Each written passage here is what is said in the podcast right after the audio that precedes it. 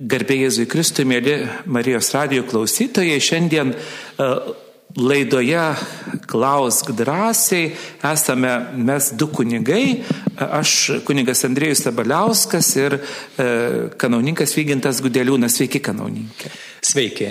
E, dėkojame, mėly Marijos radio klausytojai, kad esate aktyvus, tikime sulaukti jūsų klausimo ir e, bandysime e, mus mūdu būdu atsakyti į tai, kas jums rūpi ir aktualu.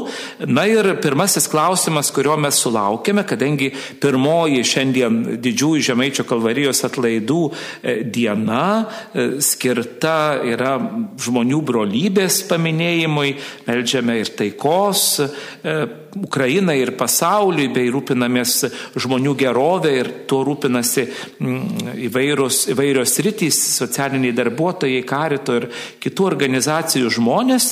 Ir kanauninkė pirma, sulaukėm pirmojo klausimo iš klausytojų, kodėl Žemaičio kalvarijos atlaidai vyksta 12 dienų ir kodėl taip ilgai ir iš kur ta tradicija.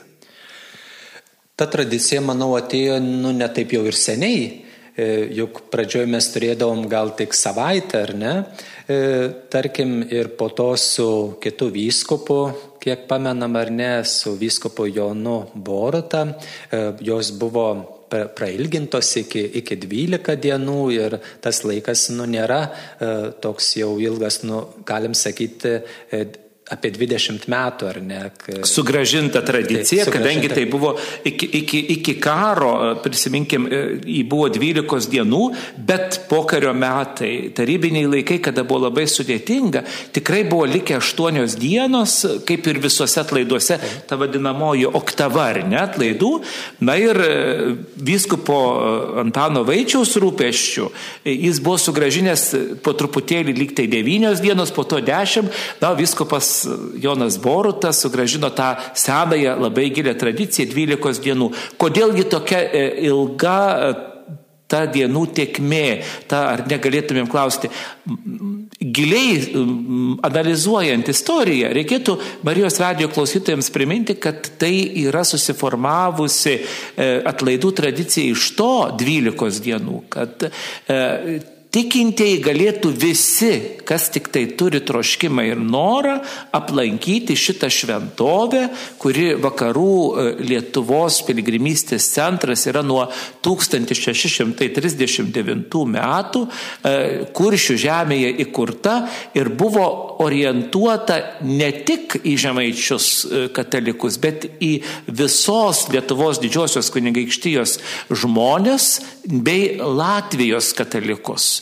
E, ir dėl to tos dienos buvo tokios, e, sakytumėm, ilgos tų atlaidų, kad visi turėtų teisę ir galimybę aplankyti, laimėti atlaidus. Nes tai buvo e, dvasinio atsinaujinimo ir tikinčiųjų prieiga prie dangaus vartų, galėtumėm sakyti, arba piligrimystės išgyvenimo laikotarpis.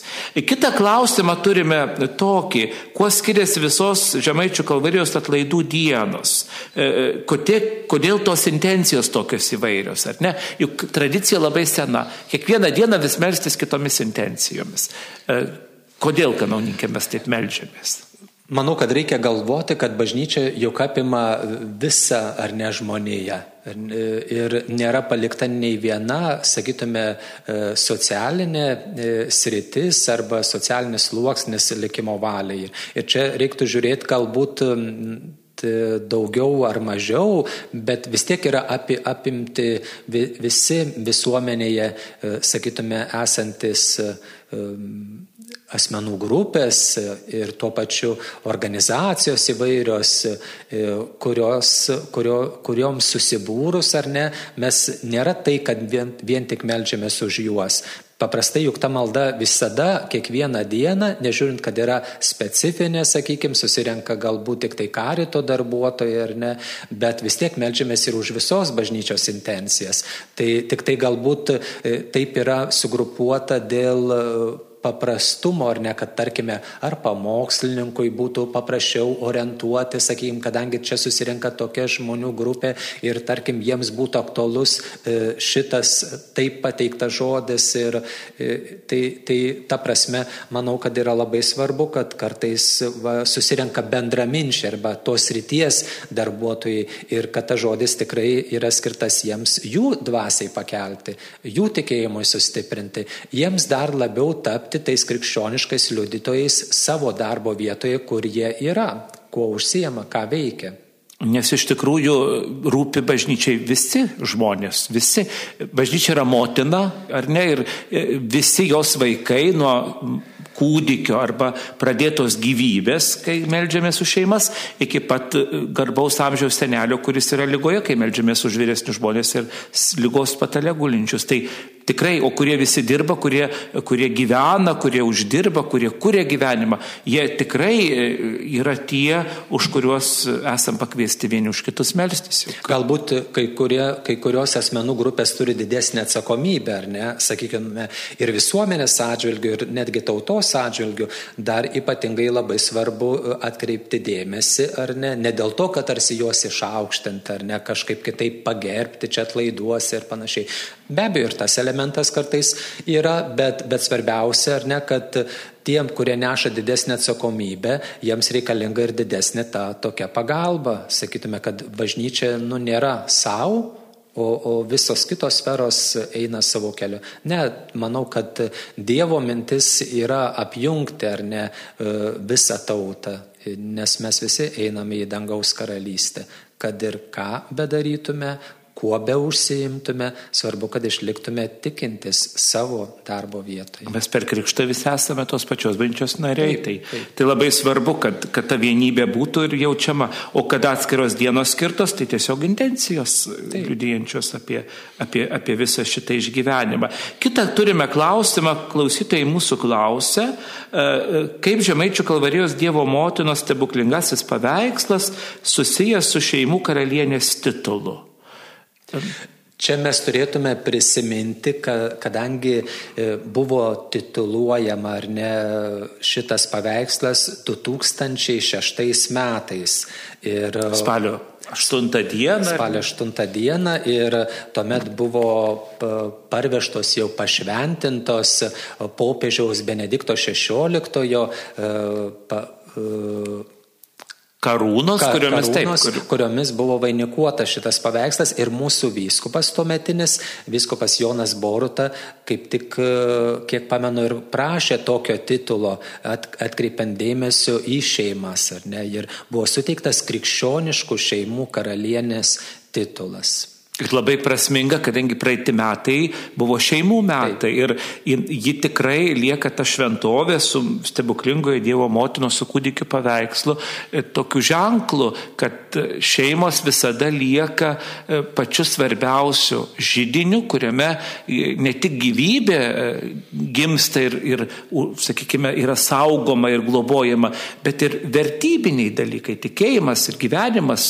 Nu, tikrai šeimoje vis tiek yra ta užuovėja, kur, kur, kur, kurioje gali žmogus slėpti, sakytume taip, arba rasti pagalbą gyvenimo kelyje. Nežiūrint to, kad titulas yra krikščioniškų šeimų karalienė, bet sujungiant su Liepos antrą Lietuvoje minimą e, minėjimu privalomu bažnyčioje, kuris yra e, Marija e, šeimų karalienė, titulų e, pažymima e, irgi turi sąlytį su Žemaičio kalvarija. Tai šiuo atveju reikia galvoti, kad e, šitas paveikslas nėra vien tik tai skirtas krikščioniškoms šeimoms, bet visoms šeimoms. Kartais mes galbūt nu, norim pasisavinti tik tai, bet, bet kartais, e, kuri tikrai gyvena šeimoje, bet galbūt neturi ar sakramento ar panašiai, dėl įvairių susikloščiusių aplinkybių ir panašiai, bet turi tą troškimą gyventi krikščioniškai, Tarkime, jeigu tai yra antroji santoka, sakykime, ir, ir panašiai, pirma nenusisekusi, tai paprastai kalbant ar ne, o antroje žmonės sugyvena, tačiau yra kliūtis, kurios neleidžia jiems sakramentiškai vientis, bet, bet, bet jos irgi taip pat turi teisę ar nekreiptis į šeimų karalienę e, Žemaičių kalvarijoje garsę stebuklais prašant vajos užtarimo. Tai čia, manyčiau, labai yra svarbu atkreipti dėmesį, kad tas titulas šiek tiek yra platesnis, ar ne? Apima, apima, apima tą didesnę šeimą ir galbūt turėtume mintyje ir tą Dievo tautą kuriai priklausom, nes yra žmonių, kur ir, ir gyvena po vieną ir ne, ne, neturi galimybės ar galbūt gyvenimo aplinkybės susiklosti, nesukūrė šeimos, bet jie priklauso parapijai galbūt kaip šeimai ir, ir, ir panašiai turi brolius seseris ir taip toliau. Kitas klausytojo klausimas e, skamba šitaip, kur dar Dievo motina Marija yra gerbiama kaip šeimų karalienė. Tikriausiai kiekviena Marijos šventovė yra vieta, kur visada melžiamės už šeimas.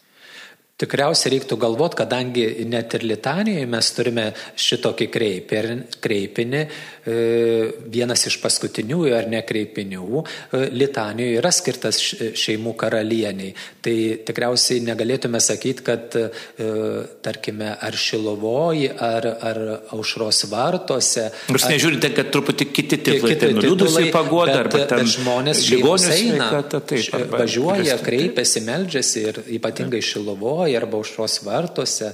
Ir, arba tai, privašiūnuose. Privašiūnuose, taip, negalėtume įskirti. Tai, tai Tai sakytume, kad kiekviena, kiekviena Marijos šventovė tikrai yra vieta, kur galima melsti su šeima. Žinoma, bet Kalvarijoje ypatingai, kadangi turi tą titulą, tai čia galėtume sakyti, nu taip paprastai kalbant, galima gauti dvigubą malonę, nu tiems, kas supranta, ką tai reiškia dvigubą malonę, tai manyčiau, kad tikrai verta važiuoti į Žemaičio Kalvariją ir esu girdėjęs, kad labai yra padaugėję ir taip pat santokos sakramentų, kurie atvyksta būtent dėl tos priežasties priežasties, kad jinai yra e, šitas paveikslas tituluotas krikščioniškų šeimų karalienės titulu. Ir tas, tas jūsų, kanauninkė, išvados pagrindimas priveda mus prie kito klausimo. Štai klausytojas klausia e, apie, apie tai, kad ar būna prie šito stebuklingo paveikslo e, patirtų stebuklų šeimoms arba na, tikinčiųjų prašymuose yra klausima. Tai iš mano darbo patirties Žemaičių kalvarijų ir iš to ilgo laiko, kuriame tenka per atlaidus būti, matyti tikinčiųjų tą srautą ir nuolatinės maldas bei mūsų kaip bazilikos kanauninkų tarnystėje. Nuolatos mes girdime žmonės, kurie atvyksta ir kalbamės ir, ir patarnaujame atgailos sakramento teikime. E, iš tikrųjų, daugybė žmonių atvažiuoja su įvairiomis intencijomis. Visos jos yra e, išsakomos ar garsiai, ar tyliai, ar, ar per mišes, ar, ar, ar paliekant auką, ar užrašant intenciją, nes prie stalelių būdi ar ne seselės vienuolės užrašo intencijas e, mišioms ir tikrai daugybę kartų, daugybę kartų žmonės atvažiuoja dėkoti. Ar nekada, tikriausiai ir jums tekia, yra, aišku, ne kartą girdėti apie tai. Yra tekę ne kartą, kad žmonės atvyksta ir yra votus palikę e, dėl šeimų. Ir dabar klausantis paties kanoninkė Andrėjau, prisiminiau, pavyzdžiui, galvojant apie šį Žemaičio kalvarijos paveikslą. Pavyzdžiui, man nežinau kodėl, bet jis asmeniškai yra labai šiltas. Nežiūrint to, kad kiekvienais metais dalyvauju ir Šilovoje, jeigu įmanoma ir aušros vartose, atlaiduose, bet pavyzdžiui, Žemaičių kalvarijai man yra žymiai toks savas toks, e, ir, ir atrodytų tarsi išskirtinai į tave žiūrinti. Tai šiuo atveju manau, kad e, yra mums visiems svarbu galvoti ir tai, kad mes kiekvienas pasirenkam tą šventovę, kurią, jeigu nežinau, ar tiktų ta žodis, prisijaukinam. Ta prasme, mes važiuojam ten, kur mums yra gera. Kuria prasme gera? Tai, kad e, me, ten kažkas tokio, e, nu, išskirtinio. Ir sakyčiau, Žemaičio kalvarijos šventovė man jinai yra išskirtinė. E, pavyzdžiui, paveikslas, ar ne, galėtum žvelgti, ramiai būti, gal netgi net žodžio netarti, tačiau patirti tą tokį, nu, Dievo švelnumą ir Dievo gerumą kuris ateina per Marijos užtarimą, ar ne. Ir tai čia labai svarbu, manau, kartais Žiūrėkime, atvažiuodami į Žemaičių kalvariją mes turim tą tikslą ar neapeiti kalvarijos kalnus. Bet visada džiaugiamės, kaip turim galimybę pabūti pačioj bazilikoje, ar ne? Tarkim, ar po kalnu, ar kokio tai kitų momentų, net galbūt ir tos adoracijos metu.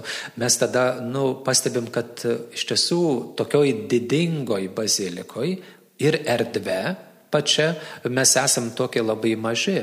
Bet vis tiek va Dievo matomi, Dievo pastebimi.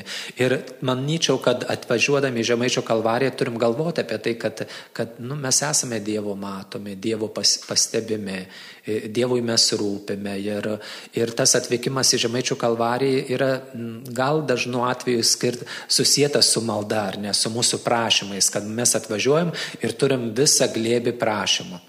Ar išgydyti, ar kažkaip pakeisti gyvenimą artimųjų, kažkas ten nesiseka, ypač kai turi vairių priklausomybių ar kitų. Dažniausiai mūsų yra prašymai. Tai aišku, yra ir tų padėkos dalykų, bet turim galvoti, kad ar ne, ne toje vietoje turi vykti nu, persikeitimą, ne mūsų pasikeitimą. Kadangi Dievo malonė, jeigu paliečia mūsų širdis, vadinasi, turi vykti kažkas mūsų viduje, kad va, nebūtų tik tai, kad atvežiau, palikau ir, ir išvykau. Ne, turiu pasiimti. Iš tikrųjų, kažkaip, mėly Marijos radio klausytojai, jūs girdit laidą e, Klausk drąsiai, pirmąją atlaidų dieną Žemaičių kalvarijoje jinai vyksta, e, tuose didžiųjų Žemaičių kalvarijos atlaidų įžangoje tarytum girdite mus. E, ir dar vienas klausimas, kurį iš tai klausia Marijos radio klausytojas, koks ryšys tarp kalvarijos kalnų ir šeimų karalienės titulo. Tai noriu pasakyti, tie, kurie mus girdite, kad 1639 e, metais pirmiausia buvo įkurtas e, tas maldingumo praktikos momentas išryškintas eiti kryžiaus keliu po atviru dangumi. Tai pirmieji, seniausi ir autentiškiausi kryžiaus e, keliai po atviru dangumi Lietuvos didžiojoje kunigaikštystėje įkurti viskupo Jurgio Tiškevičiaus rūpeščių. O paveikslas atsiranda vėliau, jis e, parvežamas yra iš Romos, pradžioje jį parsiveža e, e, vienuolis Domininkonas, kadangi ten Domininkono vienuolyje, įkūrėmės vienuolynas, ten gyvena Domininkonai ir jį parveža Petras Pugačevskis iš Romos. Pirmiausia, jis buvo pakabintas vienuolynė, o tik po to jis išnešamas po kiek laiko į bažnyčią tuometinę pakabinamas šoninėme altorijoje pagal tradiciją ir, ir tada tikintieji pradeda e, melsti stebuklų ir tie stebuklai vyksta. Tai du dalykai, kurie yra labai persipinę. Tai yra kryžiaus kelias kaip atgailos ir e, aktas ar ne žmogaus atsinaujinimo tikėjimo keli patyrimas. O paveikslas stebuklingas tai yra e, tai, ką iš tikrųjų viešpats per Marijos užtarimą teikia žmonėms. Du dalykai, jie tarpusavį labai susiję. E, prisiminkime, kad mes visada kryžiaus kelio apmąstymę matome Mariją. E, visada jinai yra regima, e, tai turime keletą stočių, kur tiesiogiai susijęta viešpaties ir, ir jo motinos Marijos susitikimas tame kryžiaus keli. Ji visada yra užtarėja ir ta tradicija tikrai yra labai gili labai sena, persipinusi ir niekada e, nekyla net e, jokios abejonės, kad tai gali būti priešiškas vienas kitam kultas. Tai yra labai svarbu, nes e, mes matom Žemaičių kalvarijoje, matom visada Dievo motiną Mariją, kuri realiai jos paveikslas kabo po didžiuoju kryžiaus altoriumi, ne atvirkščiai kaip kartais galėtume įsivaizduoti, Marija stovi po Jėzaus kryžiumi. Įeini į baziliką, tai labai aišku. Jis laiko ant rankų kūdikį, o tas kūdikis vėliau suaugęs vyras, žmogus ar ne, paukoja savo, savo gyvybę už kiekvieną iš mūsų. Manau, kad labai svarbu galvoti ir turėti tokią intenciją arba nusiteikimą einant net kryžiaus kelius, va, kad Marija irgi eina tame Nes e, juk ji dalyvavo savo sunaus kryžiaus kelyje, nebuvo stebėtoje, tarsi iš, kur, iš kažkokio kampo pasislėpusi būt, e, būtų žiūrėjusi. Jokių būdų ji ėjo, ji pergyveno ir ne, bet buvo visada šalia. Manau, kad mes eidami šį kryžiaus kelią kaip atgailos ir atsivertimo, nes visada turim galvoti, kad esam kviečiami atsiversti pagal Evangeliją, ar ne? Tai e, turim galvoti, kad Marija eina šalia mūsų. Mes nesam vieni tame kryžiaus kelyje. Ne tik apmąstymė, bet ir gyvenime. E, Ta turim irgi susijęti. Nėra vien tik, kad atlikom, čia ateinam, atliekam apėgas ir, ir išvykstame. Bet e, tas kryžiaus kelias arba dalis jo yra ir mūsų gyvenime. Kažkokie tai momentai sunkesni, bet irgi yra mūsų gyvenimo dalis. Tai, tai kvieščiau einant šiuos kryžiaus kelius e, galvoti, turėti širdį, kad Marija eina šalia, šalia mūsų kaip ėjo šalia savo sunaus. Ir kitas klausimas, kurį vėlgi e, mums užduoda Marijos radio klausytojas, e, yra prašoma štai žinutėje papasakoti apie Šventojo kryžiaus relikviją Žemaičių kalvarijos šventovėje saugoma. E, klausia klausytojas, gal žinoma, kaip jie atsirado Žemaitijoje ir ar tikrai nuo to kryžiaus, ant kurio mirė mūsų viešpats Jėzus Kristus. Šita kryžiaus relikvija didžiausia pabaltyje yra dovana e, Liublino e, domininkonų vienuolių Žemaičių kalvarijos šventoviai, kada šita šventovė šventė dešimtmetį nuo įkūrimo. Taigi 1649 metais e, Liublino domininkonai e, turėję didelę kryžiaus relikviją, e, būtent to kryžiaus, ant kurio mirė ir kentėjo Jėzus Kristus ir jinai yra persisunkusi, kaip rašo dokumentas, autentiškas Kristaus krauju na, dalino, sakykime, per pusę ir pusę tos turėtos relikvijos padovanojo Žemaičių kalvarijos domininkonams ir dešimtmetį švenčiančiai e, na, šventoviai. Ir va būtent, kada klausė tikintieji, kaip nustatoma e, didžioji Žemaičių kalvarijos ar diena arba pagrindinė diena, tai noriu Marijos radio klausytėms dar kartą užakcentuoti būtent Tai ir primena, kad tą sekmadienį po Liepos antros vyskupas iškilmingai su gesmėmis, su procesija, su baldakimu, kaip ir dabar, kad yra einamas kryžiaus kelias, ta didžioji relikvija ta pati, e, kuri buvo 1649 metais įnešta į to meto kurios nebėra tos bažnyčios erdves, e, tai dienai paminėti, tai progai paminėti, ta diena tapo didžiaja pagrindinė žemaičių kalvarijos atlaidų diena. Nuo to laiko ta tradicija niekada nenutrūko, ta diena po Liepos antros, šiais metais trečia diena, štai šiandien mes kalbam antrą dieną, mėly Marijos Sadė klausytojai, o rytoj jau didžioji atlaidų diena. Atrodo, kai, kodėl taip greitai? Čia neturi reikšmės, e, e, kuris, kuris tas sekmadienis, sakykime, galėtų būti svarbesnis. Primenama, jog tą dieną dieną. E, ta relikvija buvo įnešta ir saugoma iki šių dienų. Liblino vienuoliai dėja ją prarado, ji buvo pavokta, o mums e, dėkojame Dievui pavyko išsaugoti net sunkiausiais tarybiniais sovietiniais laikais, kada bazilika buvo nekarta apiplėšta, bet Dievas tikrai apsaugojo, net ir per didįjį gaisrą jinai išliko. Ir tai yra tikrai autentiška kryžiaus dalelė ant kurio kentėjo ir mirė Kristus. Taigi tikrai tikintieji, kada gauna palaiminimą, būtent šitą relikviją, kada eina kryžiaus keliu, per didžiuosius žemaičių kalvarijos atlaidus, e, kunigas ar vyskupas neša ją po baldakymo, kiekvienoje stoti laiminama, tai yra didelė dovana. Tai vienintelė tokia visam pabaltyje saugoma ir branginama. Tikrai e, didelė dovana. Na gal, gal kiltų klausimas, ar mums tos relikvijos yra reikalingos. Tai kanauninkas kaip liturgijos specialistas gal dar turi komentarą tam.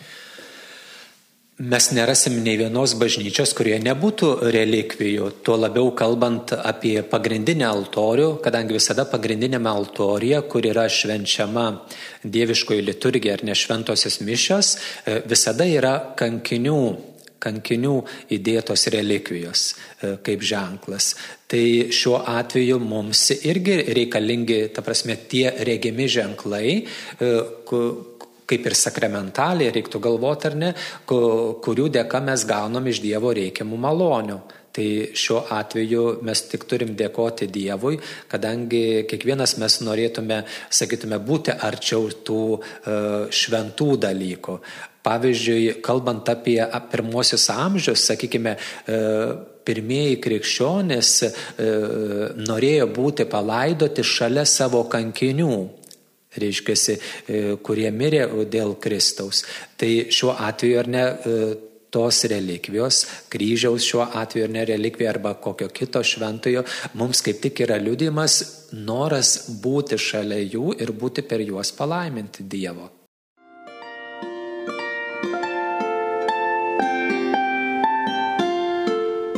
Jūs girdite Marijos radiją.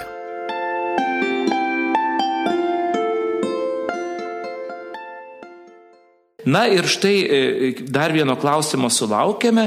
Mm, na, toks klausimas labai svarbus mūsų dabarčiai. E, klausia e, klausytojas, kaip jauni žmonės priima žemaičių kalnų gėdojimą, ar tai nėra per ilga ir nuobodni balda jiems.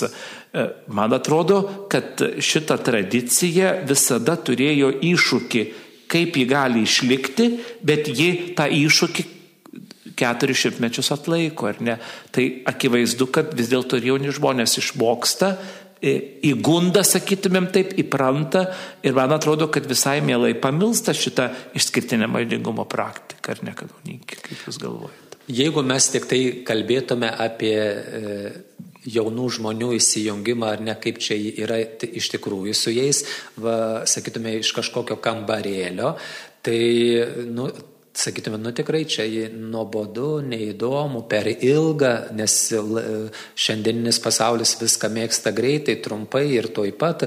Bet jeigu atvykstame į Žemaičių kalvarijos atlaidus, mes pamatysime jaunų žmonių. Ypatingai e, jau ne, viena, ne vieni metai, daugiau nei dešimt metų, kai vakari, vakaro šventosios mišios 19 val. atlaidų metu e, yra e, daug susirenka jaunų žmonių ir, ir šeimų labai daug ir po to eina į Kalvarijos kalnus.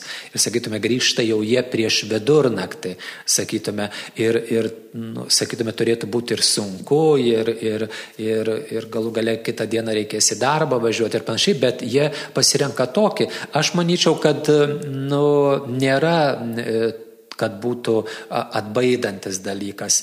Be abejo, kartai, kadangi mūsų krašte yra tai susijęta ir su laidotuvėmis ar nesubudėjimu, ir kartais e, ten laidojimo namuose siūlo, reiškia, bet, tikriausiai priklauso nuo to, kaip siūlo. Jeigu pasako, kad jums bus per ilga, tikriausiai gal norite trumpesnių variantų, reiškia, tai tada ir tie žmonės sutinka, nes jie būna pasimetę ir panašiai, ir tipo niekas nenori, aš nesutinku sutikčiau su šituo. Manyčiau, kad dažnai mes tampam patys e, tie, kurie darbuojamės ar dirba e, laidojimo biurose, kurie patys pasiūlome. Ir tie, kurie gėda, irgi dažnai pasiūlo trumpesnį variantą. Kadangi... Kitas dalykas, tai nėra, nesutikčiau, kad tai yra nuobodi ir ilga. Na taip, jinai užima laiko, bet Betgi būdėjimas arba malda, e, kada yra e, apmastoma Kristaus kančios istorija, labai vaizdingai, ar ne, eiliuotai, e, melodijos yra įvairios, vinguriuojančios ir tikrai į, į, ir žodžiai, labai. ir žodžiai tekstas labai įtaigus, sakytume, pagaunantis ir atnešantis žmonėms daug ramybės, nes vis tiek, kada mes esame su, sunerime, nuliūdę, skausme, kažkokia kažkokiam nerime ar, ar net pikti, kad kartais, na, va, taip atsitinka, kad netikėtai ir ne, netenkam brangių žmonių, bet kalnai Žemaičių kalvarijoje, žinoma, yra turi kitą, kitą tokį pobūdį, nes tai yra ta kelionė, jau ten laukiai, koplyčias lankai, apžiūri gamtą, matai, matai visą, visą šventovės, tą brusdėsi. Bet vis tiek, e, vis tiek jauni žmonės pamažu įeina į tą ritmiką ir tikrai, tikrai kaip ir sakot, kanauninkė, nekartą esam pastebėję, kad jauni žmonės tikrai įsijungia ir, ir, ir vis karta po kartos taip yra. E, mes, kai buvom jaunesni, girdėjom vyresnius kunigus ir, ir maldininkus sakant, kad nu va, kai mes jau numirsim, tai tikrai viskas tuo ir pasibaigs. Bet, e, nu, nepaslaptis, kad atsiranda žmonių, kurie tęsia tą tradiciją. Kitaip, nu, jinai būtų ta tradicija numirusi. Ne tik, kad tęsia, bet, kaip žinom, jinai dabar ir yra nematerialaus kultūros paveldo vertybė, ar ne, statusą turi valstybinį, sakykime, tai irgi rodo ir tai rūpina, rūpinosi tikrai ne kokie nors, sakykime, na, garbau, žilagalviai senyvi senukai, galėtume sakyti, bet jaunoji karta to rūpinosi. Čia ir toj komisijoje darbe, ir, ir iš kunigų tarpo tikrai buvo jaunų žmonių, e, kurie, kurie ėmėsi šito darbo. Tai rodo, kad tikrai esame nu, pakviesti nenusigasti tiesiog ar ne tame. Aišku, kad Žemaitijoje yra labiausiai gyva tradicija, tai tiesa, Bet tai ir yra mūsų savastis, tai yra mūsų, mūsų turtas ir, ir tai tiesiog turime tą puoselėti ir kviečiam jaunus žmonės, drąsinam tiesiog visada jungtis. Nebijoti, manau, kad kartais tai iš ankstinė nuomonė ar dar kažką nuteikimas nu, gali įtakoti, bet jeigu, tarkim, tu įsileidi tai, kas vyksta, nori iš tiesų išbandyti, patirti, kartu kalbi maldas, e, gėdi giesmę, turi knygutę, ar ne, nes galimybė visiems turėti knygutę e, Žemaičių kalvarijos kalnų, tai Tai yra didelė pagalba išsakyti tai, ką, kart, kam tu kartais pritrūksti žodžių. Ir sakykime, tai yra malda, tai yra pagalba ar ne išreikšti savo sielos būsenai ir to, ką, ką patyrė Jėzus. Ne, ir, ir sakytume, čia yra tikrai didelė pagalba. Gali iš pradžio atrodyti ten pirmose stotise, nu, iki 20 dar toli, bet kai tu negalvoji apie tai, bet meldysi, tu pastebi, kad tos 3 valandos iš tiesų yra 3 minutės. Gal keistai skamba, bet, bet nu, pabandykit. Taip, čia tiesiog drąsinam atvykti ir geriausias būdas, ko gero, žemaičių kalvariai pradėti, aš sakyčiau, ar ne atvažiuoti, kartu su žmonėmis, kurie eina gėdoti, pasimti tekstą. Yra perleistos vėl ir šiais metais iš naujo knygutės, galima e, jų bus įsigyti va, atlaiduose, šventoriuje yra, yra knyginėlis ir visada ten tie tekstai puikiausiai randami ir tikrai tai nėra kažkas tokio paslėpto arba sudėtingo, nu, tai yra kalba tikrai yra pritaikyta dabarčiai, e, nežiūrint to, kad pirmieji tekstai buvo parašyti ano meto žmonių šnekamąją tarmę, e, žemaičių, vakarų žemaičių šnekamąją kalbą tarmę, bet Bet šiandien tikrai yra puikiai prieiga. Kitas klausimas, kurio mes sulaukėme, tai yra, kodėl žemaičių krašto gerbė yra meška. Ir ar tai susijęs su krikščionišku tikėjimu. E, meškos simbolis yra tradicinis ir e, kai buvo herbas, na, sakykime, e, patvirtintas tuo metu, žemaičiai tikriausiai vis dar atpažįsta save kaip tuos, kuriuos pirmuosius žmonės, ta tradicija sako, užaugino mešką su savo meškiukais. Tai taip atsitiko.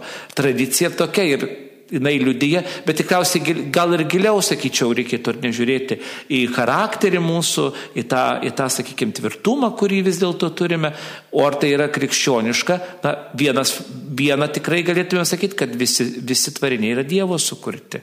Kaip sakyti, tai kažkaip, kažkaip galbūt taip. yra, turi kažką bendro su žemaičiais, bet ne su žemaičių kalvarija. Tai, tai taip, bendraja prasme tiesiog atspindys to mūsų charakterio, gal bruožo to. Kad žemaičiai yra kieti, taip. užsispyrę, tai ir ta prasme, nu, ir tvirti, tvirti, tvirti ir, ir pilni jėgų, tai čia faktas. Tai žemaičių kalvarijos išsaugojimas, tarp kitko, norėčiau Marijos Radijo klausti priminti, kad tai yra vieninteliai kryžiaus keliai Lietuvoje, kurie išliko autentiški, na, tikrai, tikrai e, akivaizdaus žmonių tikėjimo ir užsispyrimo dėka. Tikrai čia nebuvo niekieno kieno nors geros valios, tai buvo labai didelės pastangos dėtos, kad išliktų, kad būtų nenugriauti, nesusprogdinti. Vilniaus kalvarijos buvo susprogdintos, Veprių kalvarijos nugriautos, Beržoro kalvarijos visai netoli buvo sugriautos. Tikrai, tikrai tai yra autentiška na, ir tikriausiai, kad kažkokio tokio na, lokio, lokio, sakykime, tvirtumo kažkokio yra tame. Aišku, suprantam, kad tai yra da, toks tarytum tradicijos, tarp giliosios atspindys, bet, bet sakyčiau, kad, na, o tai su krikščionišku tikėjimu susiję, e, manau, kad, kad tai tiesiog yra senoji tradicija, kurią mes, kurią mes gerbėme. E, e, ar yra dar kitas klausimas, vėlgi atėjo mums, kodėl be Žemaičių kalvarijos dar yra panašios stotis beržorė, tytuvienuose, ar žmonėms seniau nebuvo galimybių keliauti Žemaičių kalvariją. Noriu pasakyti, e, mėly Marijos radio klausytojai, kad šitos stotys yra kitokios.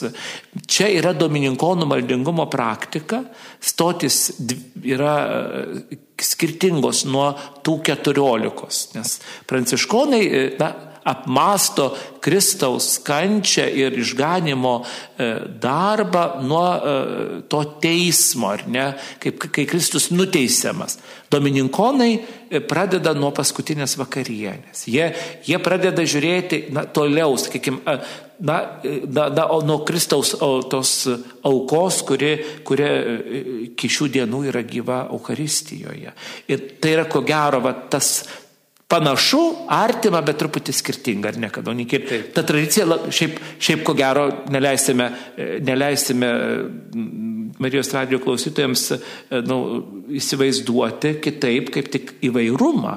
Kryžiaus kelių stočių yra labai įvairių pasaulyje. Ir, ir tai yra nu, dvi tradicijos, aišku, labai gilios domininkonų ir pranciškonų, kurios labiausiai gal įsigalėjo bažnyčioje, bet yra ir, ir kitokių stočių. Ar ne, yra ir kitokių praktikų.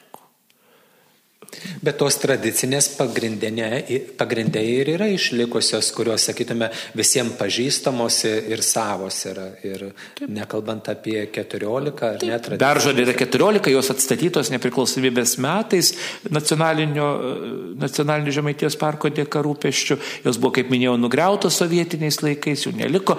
Tytuvėnose taip pat jos yra gerai stipriai sunaikintos, ten arkadose jos buvo ištapytos ant sienų arba išlipdytos, na, jos tikrai tų formų įvairių. Na, mes esame įpratę daugiausia matyti 14 e, bažnyčiose, ar ne? Tai vienintelė Žemaičių kalvarė visoje Lietuvoje, kuri turi 20 stočių ir viduje bazilikos. Vienintelė.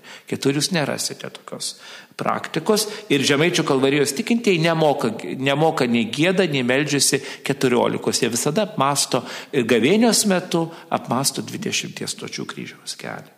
Kitas klausimas, kurį, kurio mes sulaukėme, tai e, toks yra, na, provokuojantis gal, bet, bet e, nežinau, ar čia, ar neįsižeis aukštaičiai, bet klausimas yra toks, kodėl žemaitėje žmonėms pavyksta išlaikyti stipresnį tikėjimą nei visoje Lietuvoje. Aš nežinau, ar galėtumėm sakyti, kad stipresnį, kad turim truputėlį unikalumo, ar ne, Galėtumėm taip sakyti. Kad esam kitokie, tai manau, kad tai faktas ir kad, um, sakytume, vis tiek tos maldingumo praktikos turi savo e, savasties ir gyvybės, kaip bebūtų.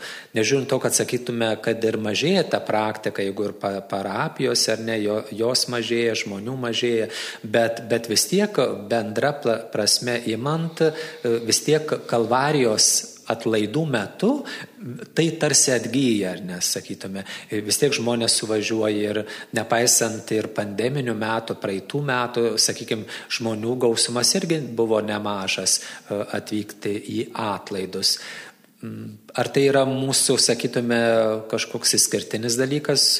Žinoma, tai aišku, kiekvienas galbūt regionas turi savo e, kažkokias tas stipresias savybės, bet e, juk žemaitėje visada buvo, nu, tarsi aukščiau kaip nebūtų. Tarytum bastionas toks, bet, bet mėliau broliai ir seserys aukštaičiai, aš visada sakau, kad dar ne, kad jie 25 metus už bus vyresni tikėjime. Nu, ta dalis pirmiau yra pakrikštyta, ar ne, mes žinome istoriją ir, ir aišku, jie yra, tarytum, tradicija turi gilesnę, bet e, tie dalykai, kad tas autentiškumas yra svarbu taip ir kad e, žemaitijoje mes atpažįstame tą tokį savitą žvilgsnį kai kuriuos dalykus ir, ir norą išsaugoti, tai irgi yra tiesa. Gal mes esam šiek tiek ir lėtesni tokie, galbūt keitimuose. Prasme, Neskubam prie labai kažkokių naujų. Prie modernių kažkokių dalykų galėtume ir taip galvoti, bet iš kitos pusės, žvelgiant, e, reiškia, į tą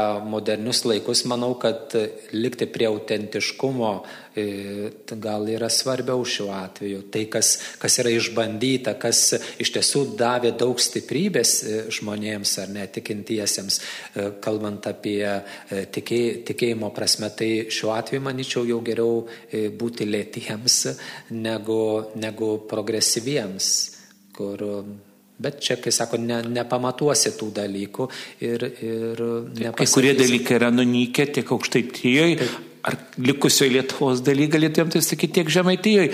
Turėjom ar ne rožančininkų, pavyzdžiui, e, pat, na, maldingumo praktikas, tokia grupė žmonių vadinamieji, tikrai buvo labai svarbus ir jie gyvavo, sakykime, netgi ir, ir, ir realiai šimtmečius, na, šiandien neturime, e, tiesiog taip susiklosto aplinkybės, mažėja žmonių, tiesiog nelieka e, puoselėtojų tos tradicinės gėdojimo maldos, bet yra grupės, kurios, kurios e, gyvėjai rožinio ar ne, e, būreliai labai stiprėja vėl iš naujo atrandami kaip maldingos praktikos, e, toks, sakykime, gražus momentas.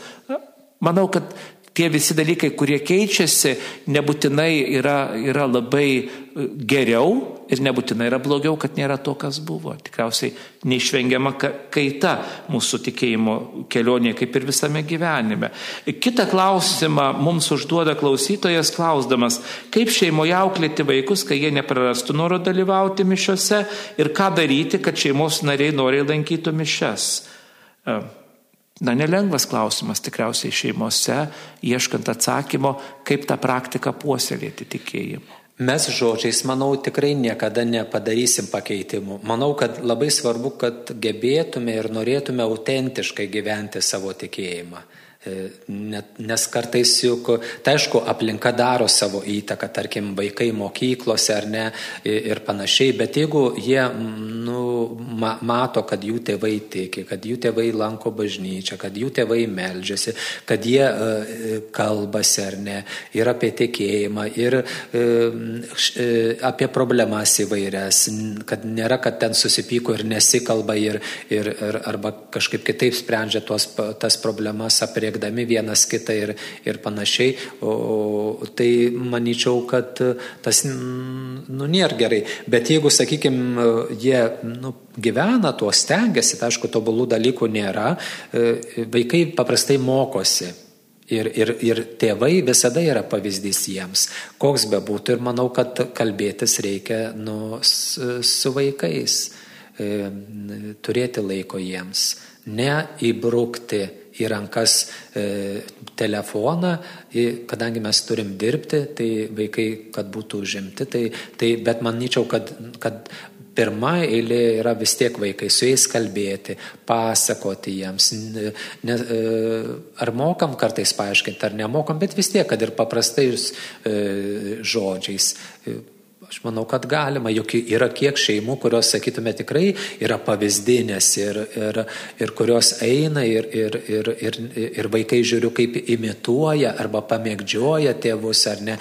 Ir, ir Tai aišku, paauglystė yra toks metas, kad, kad visi ten galbūt pradeda maištauti ir, ir panašiai, ir, e, bet galbūt... Gal mūsų visuomenė paaugliška bendraja prasme, mes ar, ne, ar nėra taip, kad to maišto yra mumise visose tokio įvairaus ir noro liktai keisti ar nepasitenkinti tuo, kas yra, arba noro, kad kažkas būtų kitaip negu yra, bet, bet vis dėlto tikėjimas savo esmė arba jo liūdėjimas e, iš tikrųjų lieka ta, ta, pati, ta pati kryptis, tai yra e, gyventi tuo, atpažinti tai kaip nu, tikrą gėrį ir tikėjimą vertinti kaip, kaip dovaną, ne, ne kaip primestą dalyką arba ne, ne kažkokį, kažkokį sunkumą. Mes dažnai, na, iš tikrųjų gal kartais stebiu tuos ar nemalding, susirinkusius žmonės, e, kurie, kurie na, labai tikėjimą pristato kaip labai sunku. Tenka ar neišgirsti, kad nu, va, čia reikia būtinai daug melstis, ten kalbėti rožančių kokį, kiekvieną ten dieną, ten vos nu, labai daug visokių praktikų daryti ir, ir viskas taip pasidaro sunku, toks atrodo beviltiškuma, kad tu niekada to nepadarysi. Nu, atrodo, kad tu niekada tikėjimą, bet iš tikrųjų tikėjimas tai yra malonė ir kai tą malonę tu įeini, nu, tai tu ir eini tu tą malonės kryptimi. Vis tiek nu, tai yra vedimas, ar ne? Nėra taip, kad tikėjimas yra statiškas, kažkoks susikaustimas, nerimas, baime, savęs prikalimas prie kryžiaus ar, ar kaip dar kaip nors kitaip ir, ir galvojimas, kad va čia ir yra mūsų Labai gerai sako bažnyčios tėvai, dar pirmaisiais amžiais, religingas žmogus nebūtinai yra tikintis. Ta prasme, kad tikėjimas turi būti gyvas, jis turi būti santykios kūrimas, ar ne? O kartais religinės praktikos jos reikalingos, jos būtinos. Taip kaip, taip kaip be plaučių tu negali kvėpuoti, bet jeigu nėra degunės, tau plaučiai irgi nepadės. Tu dusi. Tai lygiai tas pats čia religingumas ir tikėjimas, ko gero, ar ne yra labai tie du plaučiai, kuriais kvepuojam. Ir tas degonis, tas, tas oras, kurio reikia, kad būtumėm gyvi. Manau, kad e, labai svarbu pažiūrėti ir tą tokią bendrą prasme, ne pavyzdžiui, jaunimo, jeigu žiūrėti ir kitose tikėjimuose, nėra, kad ten, sakykime, uh, kitokį tikėjimą išpažįstantis, kad ir krikščionis, sakykim, kad ten būtų daug jaunų žmonių. Čia yra e, visur jų nėra taip, kad būtų e, pilna. Tai šiuo atveju, manau, labai svarbu galvoti, kad, e, nežinau, to galbūt to autentiško liūdėjimo trūksta. Ir, ir kitas klausimas labai artimas, vėlgi Marijos radio klausytojai mūsų klausė abiejų čia esančių studijoje, e, e, ar reikia lankant mirusiųjų kapus visada uždegti žvakę. Ir papildymas to klausimo, gal gana poterius sukalbėti, ar viešpatės angelo maldą sukalbėti ar sugėdoti malda, ko gero, yra tai, kas riša mus, ar ne su amžinybė išėjusiais, o žvakė tiesiog simbolis, priminimas, kad esame Kristaus šviesoj, tiek žemėje, tiek dangaus karalystėje. Jeigu žmogus, kai sako, turi, nuvežkite, ar ne? Nor, Tik tai būtų gerai, kad vežtų pašventintą, kad tai. ne parafiną degintumėm ant kapų, bet, bet kaip simbolį nuvežtumėm pašventintą žvakės. Tikrai nesudėtinga, e, man atrodo, atnešti į bažnyčią arba, arba, arba katechetikos centrai, jeigu turi, ten paprastai būna viskas pašventinta, palaiminta, įsigyti ir nuvežti tą pašventintą žvakę kaip ženklą, kad nu, mes, visi, mes visi keliaujam į šviesą, ar ne, mes šviesos šviesos vaikai ir, ir, ir gyvenam šiai žemėje viltimi, kad Kristaus šviesa mus veda. Ir amžinybė švie, to šviesoj būsim. O malda būtina, nu tai yra mūsų, mūsų savastis. Iš vis amžinai atilsi malda, mėly Marijos atveju klausytojai, e, kalbam ne, ne kaip iš tradicijos, tai yra Senojo testamento malda, jau žydai turi savo giliojoje maldingumo praktikoje to atilsio, to šviesos linkėjimo, tai be galo sena malda, jinai skaičiuoja kelis tūkstančius metų.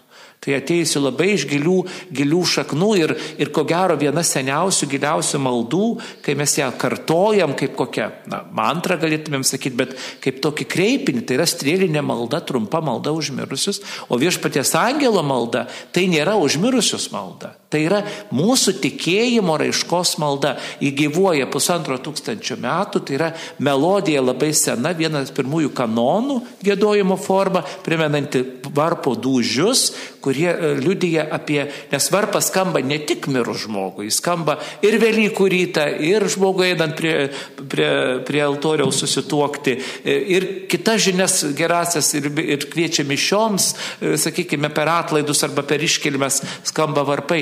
Tai yra priminimas, kad tikėjimas yra gyvas ir, ir tas ta visa istorija trumpa viešpaties angelo maldoje yra ypatingai. Pavyzdžiui, Italijoje vienoje parapijoje e, turėjo netgi gimus vaikui, skambindavo į parapiją, kad paskambintų varpais. Ir turėjo, ten natūralu, kadangi modernus tie varpai, muzikėlė tokia ir visi žinodavo, va kažkur gimė vaikas, parapiečiai ir paskui ten kaviniai susitikę bare, kadangi mėgsta ar nenueiti kavos atsigerti, kalba, va girdėjai varpus, sako, kažkur, kažkur gimė. Tai aš galvojau, nu labai gražu, labai. Va, ka, žmonės visi ja. žino ir, ir sakytume, tarsi va dar vienas žmogus atėjo iš šito pasaulio. Jo, tikima, tikima tikimasi, kad bus pakrikštytas ir bus bendruomenės narių, ir, ir parapijos, ir visos visuotinės bažnyčios. Tikrai gražus momentai. Dar vieną klausimą mes turime. E, kodėl parapijose gerai dirbantį kunigą viskupai ima ir iškelia kažkur kitur, e, e, nes taip sunku priprasti prie naujo, kuriam nieko nereikia. Na, skaitau, kaip gaunam žinutę.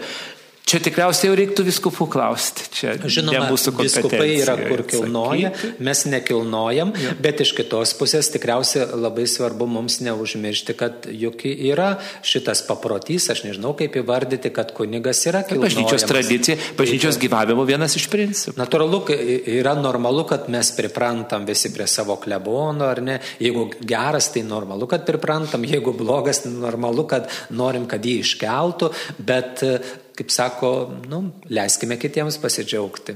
Tai, tai, tai yra tokia praktika, ji yra tikrai viskopo e, ordinaro e, tokia palaikoma viskupijoje ir kiekvienas sprendžia pagal, pagal situaciją. E, ką patartumėte tais momentais, skaitau dar vieną klausimą, kai ateina nusiminimas ir nesinori melstis, visiems žmonėms ateina E, ir liūdnumo, ir sunkumo laikas, ir nenoro melstis, ta prasme, kad Tai yra pažįstama, pats Jėzus Kristus yra pavyzdys, kai jis ta, nusiminęs, nuliūdęs meldžiasi alyvų sode, arba jisai sako e, apaštalams, tarytum primindamas, e, kad jūs negalite su manim pabudėti, ar ne, arba kaip norėčiau, kad ta liepsna jau degtų, liepsnota atėjo uždegti, tai liepsnos Kristų patį mes matom kaip žmogų, kuris ir, ir verkia prie Lozoriaus kapo, akivaizdžiai yra parašyta Evangelijose.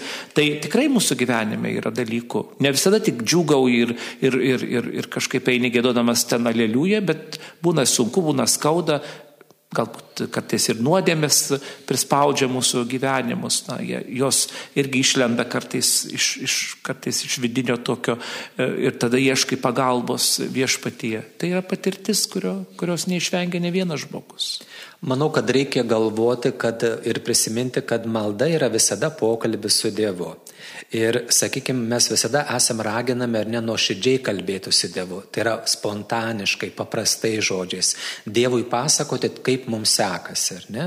Kaip, praleidžiam dieną, ar ne? Kaip su kuo susidurėm, su kokiais sunkumais ir džiaugsmais.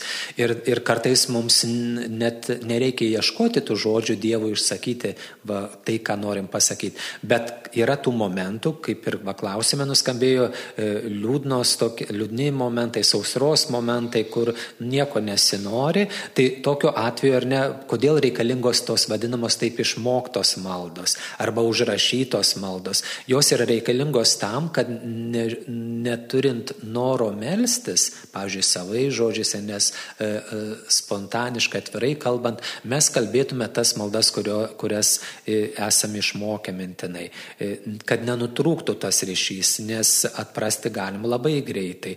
Tai netgi ir tokiais momentais iš tiesų yra svarbu, kad nu, nuoširdžiai e, ir persižegnotumėm, ir nuoširdžiai sukalbėtume, neskubėdami maldą ir leisti, kad va, e, pajausti savo pačiam, kad net ir tą savo būseną aš atiduodu į Dievo rankas. Nes gali būti, kad galiu paskui užsidaryti e, e, savo keutę ir, ir sakyti, kad nu, čia man blogai. Galiu savo netgi įteikti, va, kad šitaip ir. Bet iš tiesų juk e, Dievas visada ateina į, į mūsų situacijas ir aplinkybės ir ypatingai tas sunkesias. Ir, ir reikia galvoti, kad nu, dieva, Dievas yra tose mūsų situacijose. Nėra, kad nu, čia tu dabar, jeigu ištversi, bus gerai, neištversi, žinokis. Ne, jokių būdų. Dievas tai, tikrai nepalieka žmogaus. Ne. Niekada ir. Mums reikia likti atviriems. Mes patys gal atsitraukėme nuo jo, galvodami, kad, jis, kad jam nerūpime. Tai čia yra piktosios dvasios pagrindinis toks, sakytumėm, e, darbas įtikinti, kad Dievui nerūpime. Gal jis ir yra, piktoji dvasia niekada nesako, kad Dievo nėra, nebando mums įteikti, bet jinai bando mums nuolat primi, nu, įtikinti mus, kad, kad, kad jam nerūpime. Ir tai yra didelė pagunda. Galim kartais liūdėti dėl to, kad galbūt galbūt esam per daug susikoncentravę ties savimi arba egoistiški tokie motyvai. Kalbam Atrodo, tik apie savo. Nekreipia dėmesį, niekam nerūpima, tai niekas neklausia ir tada nuliūstam dėl to, kad va, ir, ir, ir, ir tokie nelaimingi tampam. Ir tada to, nu kam čia melstis, va matai. Ir, bet iš kitos pusės pažiūrėjus, iš tiesų mes turim labiau atsiverti tokiais momentais. Ir galbūt pasikalbėti su tuo, tai. su, su žmonėmis, kurie gyvena tikėjimu, kurie skaito arba a, kurie a, domisi, gilinasi į dvasinį gyvenimą. A, nu, pas, ir nebijoti ateiti pas kunigą pasikalbėti, nes nu, tikrai nu, tas kunigas nu, gal neišvarys, nu bent jau tikrai vienas neišvarys. Ne, ne, tikrai atsiras, kas galės Taip. išklausyti ir kalbėtis apie tai tikrai e, būtų, būtų svarbu. E, mėly Marijos radio klausytojai, girdite laidą Klausk drąsiai, esame du kunigai šiandien prie mikrofonų, tai kanauninkas Vygintas Gudeliūnas ir aš, Andriejus Sabaliauskas. Ir štai klausimas skamba šitaip e, kaip reikėtų elgtis, kada e, tėvai nepritarė vaikų pasirinkimams. Tikriausiai priklauso nuo to, ką mes norime rinktis ar ne ir e, koks tas apsisprendimas tų vaikų yra. Čia reikia žiūrėti konkrečios situacijos, dabar negali e, įsivaizduoti, kokia tai situacija, dėl ko tėvai nepritarė. Ta prasme, tavo pasirinktai profesijai ar, ar, ar tavo antrai pusiai, kurią tu pasirinkai. Tai ką turime mintyje? Ar, ir... Arba gali būti, kad kartais nepritarė tėvai tikėjimo praktikoms, gali būti ir toks iššūkis, bet čia reikia kalbėtis. Ko gero pagrindinis darbas yra vis tiek kalbėtis ir bandyti ieškoti, ieškoti šeities. Ir pasimelsti į šventąją dvasę. Nu, tikrai tai yra svarbu, nes mes, mūsų protas labai ribotas. Šiaip jau žmogaus protai takoja jausmai, aplinkybės, kitų žmonių nuomonės, visuomenės nusiteikimas, netgi žiniasklaida gali ten įtakoti kartais netyčia. Reikia paprašyti šventosios dvasios, tiesiog, kad jinai duotų, labai trumpai nereikia kažkokių specialių maldų, tiesiog ją kviesti į talką, kad jinai duotų šviesos ir tas protas nušvistų kalbantis, ieškant išeities ir, ir tam tikrų sprendimų, manytumėm.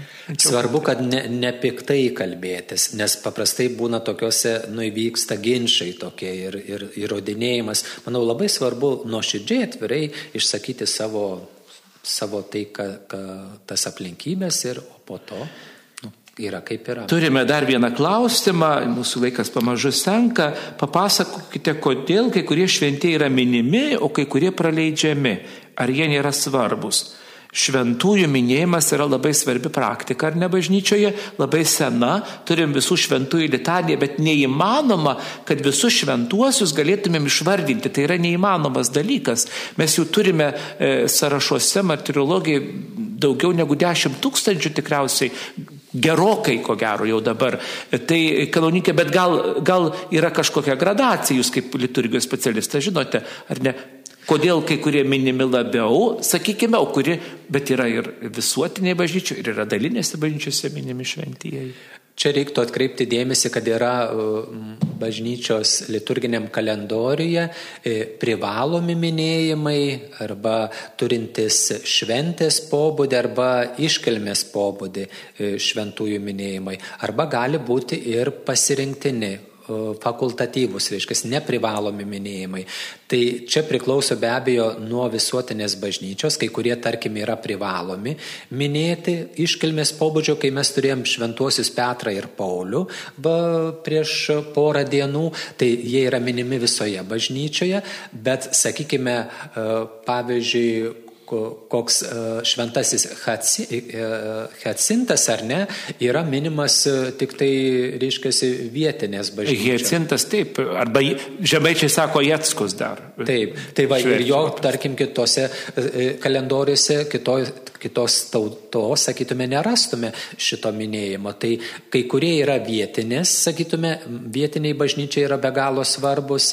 Pavyzdžiui, sakykime, Lietuvoje šventą Kazimerą mes švenčiame iškilmės pobūdžių, bet visuotiniai bažnyčioje jis yra neprivalomas. Ta prasme, kaip pasirinktas. Kadangi jis yra mūsų tautos globėjas ir, ir šaknis. Gal ir lenkai gal švenčia, aš bijau pasakyti. Taip, taip, taip vis tiek Privaloma. labai artima istorija. Mūsų. Tai, tai, va, tai čia yra pasirinktas Tai aišku, negali sakyti, tai aišku, yra vien, vieni yra svarbiau, svarbesni ar neturintis e, ir bažnyčioje didelį įnašą.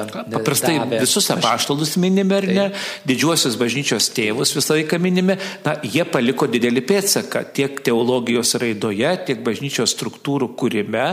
Sakykime, pirmaisiais amžiais kankinius minime ar ne, dažnai e, Na, globėjai, pavyzdžiui, Europos taip, globėjai. globėjai arba viskupijų globėjai atskirai, jie turi savo vaidmenis ir, ir, ir juos kreipiamės, o litanijoje yra e, vis dėlto taip sugraduota, kad visa, visa bažnyčios istorija atsispindi per šventuosius, ar ne, nes ten ir apaštalai, ir evangelistai, ir kankiniai, ir didieji teologai, ir, ir didieji pastoracijos specialistai. Šventosios moteris, mergelės, vienuoliai, pasauliečiai, šeimų motinos ir tėvai. Na, visi šventieji, kurie atstovauja atskirus sluoksnius. Ten ne tik kunigai ir vienuoliai, ir, ir, ir, ir viskupai, yra, ir popiežiai. Ten yra visko visoje. Bet neįmanoma visoje visų sudėti visų, visų šventųjų litaniją. Tai būtų be galo ilga, ilga malda ir tikriausiai, tikriausiai jinai ir taip gal atrodo ilga, bet jinai yra jinai labai prijungia mūsų gyvenimus prie tų šventųjų, mokydama. Iš tų šventųjų gyvenimų e, mokytis, mokydama, kaip reikia iš jų mokytis, nes nu, mes turime mokytis ar ne. Dar vienas svarbus klausimas, besibaigiant mūsų laikui, e, kaip reikia melstis, klausant Marijos radijo, ypač per mišes, pagarbiai ar ne, ko gero laikysena pagarbiai. Nu, ne, nedaryti kitų darbų. Jeigu tikrai Taip. norim dalyvauti Taip. samoningai ir pilnai va, šventose mišiose, tada tikrai netinka kitų darbų Jau, atlikti. Bulvės kusti ko gero per mišių laiką ir galvoti, kad aš... Taip, ir taip, jeigu darbas verčia, radijas įjungtas, tai yra maldingumo tokia, nes orat labora, sako Melskis, ir dirbk, ar ne, e, Švento Benedikto šūkis, ant kurio visa Europa yra pastatyta krikščioniško mentaliteto. Bet vis tiek maldingumo laikas skirtas Dievui ir, ir susimastymui, arba geriausia tada kalbėti maldą, pavyzdžiui, ne, jeigu klausais klausaisi radijo, parijos, ir ten tau sunku koncentruoti dėmesį, tau blaško puodai aplinka ar, ar vištos ant tvoros, kur nors ten karkina, kalba ir žodžiu kalbėti tuo metu. Na, paskirti Dievui ir Dievo garbiai. Šlovinti Dievą. Mes, mes tikrai turime laiką rasti Dievui savo gyvenimo tikmė. Ir Marijos radijas yra pagalba. Bet tikrasis dalyvavimas yra gyvas dalyvavimas mišiuose. Jeigu leidžia sveikata, aplinkybės ir visi kiti dalykai, jau daugybę kartų esam kalbėję, vis dėlto tai yra svarbu e, susitikti viešpatekis į akį arba pabūti jo artumoje, altoriaus artumoje. Ir prisiminkime tik vieną dalyką, kad Jėzus niekada nuotoliniu būdu negydė, niekada nuotoliniu būdu nedarė stebuklų. Jis darė stebuklus tiems, kurie buvo šalia jo kurie susitiko su juo konkrečiai, ne iš tolo, ne kaip nors ar ne, arba tie, kurie užtarė. Kartais mes žinom atveju, kai Jėzus nenuėjo, bet tie žmonės pasveiko ar ne, bet juos kažkas užtarė. Vis tiek labai svarbu, kad tas ryšys būtų. Reiškia, visos formos tinkamos, jeigu mes pagarbiai ir nuoširdžiai na, su Dievu bendraujame. Dar vienas klausimas, kurio sulaukėme, tai kodėl kai kurios švento rašto vietos aiškinamos pažodžiui, kai kurios e, perkeltinė prasme. Dievo žodis, kaip žinia, yra skirtas žmonių mokymui. E, ir tai nėra tik istorija ar ne, tai nėra tik tai kažkokia uh, užfiksuota tikrovė anų laikų, bet tai yra pagalba dabarčiai. Mesgi mokomės Dievo žodžio šviesoje gyventi, e, kad patiktumėm Dievui ir būtumėm tinkami Dievo karalystėje. Juk ir tą patį Dievo žodį, kurį girdime kiekvienais metais, ar ne galbūt ir tą pačią Evangeliją, ji kiekvienais metais gali skirtingai nuskambėti ir tam pačiam kunigui, kuris ruošiasi pamokslui, ir tikintieji, kurie klausosi. Gali, tarkim, padiktuoti net ir aplinkybės, parapijos gyvenimas arba e, pasauliniai įvykiai. Ir, tarkime, e, gali atkreipti dėmesį Evangeliją ne vien tik tai, ką, sakykime, Jėzus turėjo mintį, bet taip pat ir gali priartinti prie šiandienos įvykių. Tai, bet visada reikia neužmiršti, kad tai nėra vien tik tam istoriškai susipažinti ar ne su Jėzumi, ar ne. Jėzus tose aplinkybėse kalbėjo ir panašiai, bet tai yra Dievo žodis šiandien man. Ką Dievas nori pasakyti man, mano gyvenimo aplinkybėse, tai, kas buvo perskaityta, kaip aš priemu, kokią turi įtaką, įtaką man. Ką patartumėte skaityti, kad pagilintume krikščionišką tikėjimą, sulaukėme klausimo.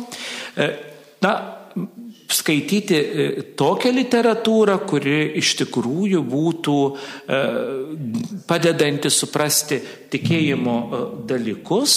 Ir manyčiau, kad labai daug literatūros yra įvairios dabar spausdintos ir tikriausiai bet kokia medžiaga, kuri veda prie tikėjimo, prie pažinimo, prie žodžio atpažinimo Dievo žodžio veikimo tinkama yra. Na, katalikų pasaulio leidiniai leidžia labai daug, ar ne, leidinių, kur, kurie iš tikrųjų tinkami yra dvasiai ugdyti. Magnificat, ar ne dabar komanda labai puikių knygelių, knygų išleidžia. Pasirinkti pasitarti, vėlgi su tuo pačiu kunigu susitikus arba su tais, kurie išmano, katalikiški knyginėliai yra kiekvienoje viskupijoje dabar, yra ir knyginuose skireliai, pasižiūrėti ir tik neapsirikti, kad na, kartais ten tose skireliuose būna visko pridėta. Ten ir šetono Biblija šalia, ir, ir Dievo žodis šalia, tai, tai neapsirikti, bet, bet tikrai na, pasiskaityti anotacijas, paklausti. Marijos radijas yra pagalba, tikrai skaito dažnai puikia literatūra, kurią galima ne tik klausytis, bet įsigijus ar pasiskolinus perskaityti. Aš taip galvočiau, ar ne kanonikė. Šiandien tikrai mes turime lietuvių kalboje labai daug knygų. E, dvasinė prasme ugdyti mūsų. Ir internete yra labai daug straipsnių, katalikai LT. Ir pavyzdžiui, tikrai daug dokumentų ir bažnyčios tėvų, ir e, bažnyčios mokymo, kur mes galų gale ir enciklikos ar ne, kiek yra popiežių parašyta, kad, nu, ta prasme, advasiai ugdyti, e, tai turim pakankamai daug literatūros. Dar vieną klausimą, kuris aktualus šiandienai gavome iš klausytojų. E, kaip melstis, kad liautųsi karas? Nuoširdžiai. Nuoširdžiai ir vieningai, manau, labai svarbu ta, ta vienybė, kad, e, tarkim, žiūrim mes į mūsų bažnyčias ar ne ir, sakykime, kai paragini labiau žmonės ateina, bet po savaitės jie vėl kažkaip išslysta. Ir, nu, ir sako, jie namuose meldžiasi ir panašiai, bet manau, kad mums reikia labiau tos bendruomeninės maldos. Ir tik tai tikrai ta bendruomeninė vieninga malda, manau, galėtų išprašyti. Tai to dar trūksta mumise, aš manyčiau, to vieningumo tokio ir ištvermingumo maldoje klausimas, kuris aktualus, kur geriau melstis už savo mirusius artimuosius, ar ten, kurie palaidoti, ar savo parapijoje. Be abejo, jeigu turim galimybę nuvažiuoti ar ne, tarkime, ir, ir tai visada, manau, ir į tą bažnyčią, ar ne, jeigu ten palaidoti ir nueiti, ir, tai manau, kad labai gerai, bet galbūt jeigu gyvena tie kapai yra už šimtų kilometrų, juk neprivažinėsi, tai čia skirtumo jokio nėra. Svarbu, kad melstis, e, užprašyti mišes už savo mirusiuosius bent per metus vieną kartą būtinai, e, va, mirimo dieną, galbūt net ir gimtadienio dieną irgi, ar kita proga iš tiesų nu, neužmiršti savo brangių mirusiųjų. Tai tas yra be galo svarbu. Jums kaip liturgistui klausimas dedikuotas, kodėl sekmadieniais kartais vietoj garbėjai Dievui aukštybėse himno e, gėdama kokia nors kita gesmė, ar tai tinka ir ar tai gerai, klausia klausytojas. Pagal liturginės nuostatas paprastai turėtų būti gėdama, gėdamas garbės gimnas arba atitinkama giesmė, kurioje yra ties, sakytume, beveik tie patys žodžiai, ar ne? Bet kartais gali būti, kad pasirenkama giesmė. Mm, ten tos garbės kaip ir mažai, ta prasme. Tai šiuo atveju, kad netinkama. Liturginės būtų. nuostatos prašo, kad Taip. būtų išpildyta na, tie tekstai, kadangi tai yra labai seni tekstai. Taip, Taip pat kaip ir tikėjimo išpažinimo, tu gali, nu, irgi ne, negali kito parinkti, pavyzdžiui. Taip, jis yra patvirtintas bažnyčios. Taip, ir tai yra, sakytume, privalomi kaip ir garbės himnas, ar ne, jis nėra, kad jį galėtum pakeisti, nu, kitą gesmelę, va, kad būtų linksma. Nieko bendro čia neturi. Dar vieno klausimo pateikėjas klausia, ar kunigas gali sakyti tą patį pamokslą, ar turėtų kiekvieną kartą paruošti naują. Prie situacijos būtina pritaikyti. Ta prasme, jeigu tą pačią dieną, tarkime, kunigui reikia sakyti du pamokslus, turi dviejas mišes, kodėl jis, jis gali sakyti ir tą patį, nes dalyvauja žmonės kiti kiti. žmonės, kiti skirtingi ir, ir, ir nebūtina, kad jis paruoštų kitą. Bet jeigu, sakykime, kunigas vis tiek nu, neskaito, natūralu, kad ten įsipina ir kita mintis, bet nėra, bet jeigu skaitytų kiekvieną dieną tą patį, nu nežinau. Ar klausimo dar vieną turime, ar tie, kurie lankosi mišiose ir šiokiadiniais gyvena jau šventesnį gyvenimą, klausia klausytojas ar klausytoja. Manau, kad šito reikėtų klausti paties Dievo, nes Dievas geriausiai žino. Mums kartais mes esam nekartą e, girdėję, ar nesako, va tie lanko, lanko bažnyčio, paskui ten krečia ir apkalba žmonės ir panašiai. Tai Nu, sunku vertinti, kartais išoriškai atrodo tau šitaip ar ne, bet... Bet, bet iš šventumą kelias labai ilgas, ar ne? Mes taip, suprantam, kad taip. gali žmogus iš tikrųjų kartais e, tikėdamas, eidamas, melzdamasis atsiversti paskutinę gyvenimo akimirką. Tokių dalykų tikrai būna. Mes neturim sumaišyti šventumo su tobulumu. Ir ta prasme, norėti, tarkim, kuris lanko bažnyčią, kad yra tobulas žmogus. Jeigu jisai lanko, vadinasi, jam yra didelis poreikis, ar ne? Galbūt e, turi po, e, nu, kokių tai intencijų, galbūt jam tai yra išgyvenimo dalykas, ar ne, su kuriuo kovoja ir, ir jam būtina dalyvauti. Ir, ir kartais galbūt gali elgesys kelti abejonių, bet, bet ne aš teisėjas esu viso. Kadangi žemaičių kalvarijos atlaiduose melžiam už pašaukimus, melžiam mes ir už dvasininkus, vienuolius bei vienuolės, tai sulaukėme dar vieno klausimo, jau visai besibaigiant mūsų laikui. E, e, kokie požymiai liudyja, kad žmogus turi pašaukimą į kunigystę Kodėl mažėja pašaukimų į kunigystę? Gal Dievas nori kitaip atnaujinti bažnyčią ir pašaukimų neduoda. Toks yra formuluotė šito klausimo. Na, paprastai požymiai yra e, įvairūs, bet galima atpažinti savo pašaukimą į kunigystę ir vienuolystę. E, ar ne? E, ir, o kodėl jų mažėja tų pašaukimų? Na, tikriausiai aplinkybės labai įvairios šiuo atveju. Žinoma, aš manau, juk tos e, pašaukimai dažniausiai juk ateidavo ar ne iš šeimos iš, e, e, iš to, kad būdavo patarnautojais ar ne, jungdavosi į, į ateitininkus ar kitas jaunimo grupelės, dalyvaudavo ir taip be abejo priklausydavo ir nuo kunigų, klebonų pavyzdžių ar ne, ir įkvėpimo. E, tai nuo daug dalykų, kodėl jų mes neturim, sunku pasakyti. Gal jaunų žmonių mažėja Lietuvoje taip. tiesiog ir mes matome, kad šeimos yra ne, negausios, mokyklose vis mažėja besimokančių, ar ne, daug žmonių išvyksta į užsienį na, pagal aplinkybės. Bet Dievas rūpinasi. Čia tikrai Dievo rūpestis. Čia yra Dievas, kuris šaukia, ar ne? Mes Taip. turime natūralų skatinti, ruošti, Taip. E, padėti. Nes pirmas dalykas yra, kas svarbiausia gyvenime, ne, ne būti kunigu. Bet esmė būti tikinčiu žmogumi, tai yra svarbiausia.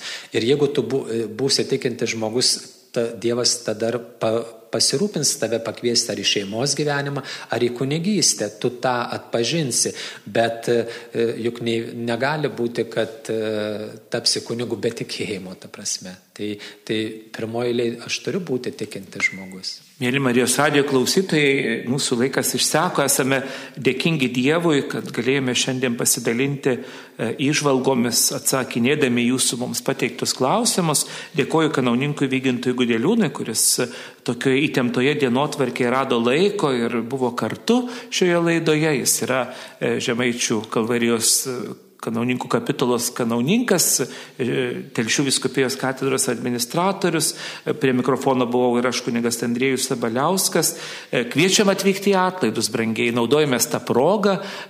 Čia galima atrasti daug daugiau atsakymų į mūsų egzistencinius klausimus, negu kad šiandien galėjote išgirsti, nes Dievas turi visus atsakymus, maldoje visą laiką galima rasti savo troškimą, kaip išgirsti jo balsą, o kunigai kurie, kurie patarnauja Žemaičių kalvarijoje labai uoliai klausyklose, gali tikrai būti jums gera pagalba atsakant į daugybę klausimų ir per išpažinti, ir per dvasinius pokalbius ir per maldą labai dažnai daug kas paaiškėja melžiantis, ypač einant Žemaičių kalvarijos kalnus, į kuriuos kviečiam atvykti, dalyvauti ir tikrai patirti daug gausių malonių. Dėkojame Jums uždėmesi, dėkojame už klausimus, ne viską spėjome atsakyti, e, jie liks e, kitai laidai, kitiems e, kunigams, kurie atsakinės laidoje klausk drąsiai jūsų klausimus. Dievas te laimina ir te atlygina jums už jūsų gerumą bei nuoširdumą, dalyvaujant aktyviai bažnyčios gyvenime. Dėkojame jums, būkite palaiminti ir sustiprinti viešpatie garbė Jėzui Kristui. Per amžius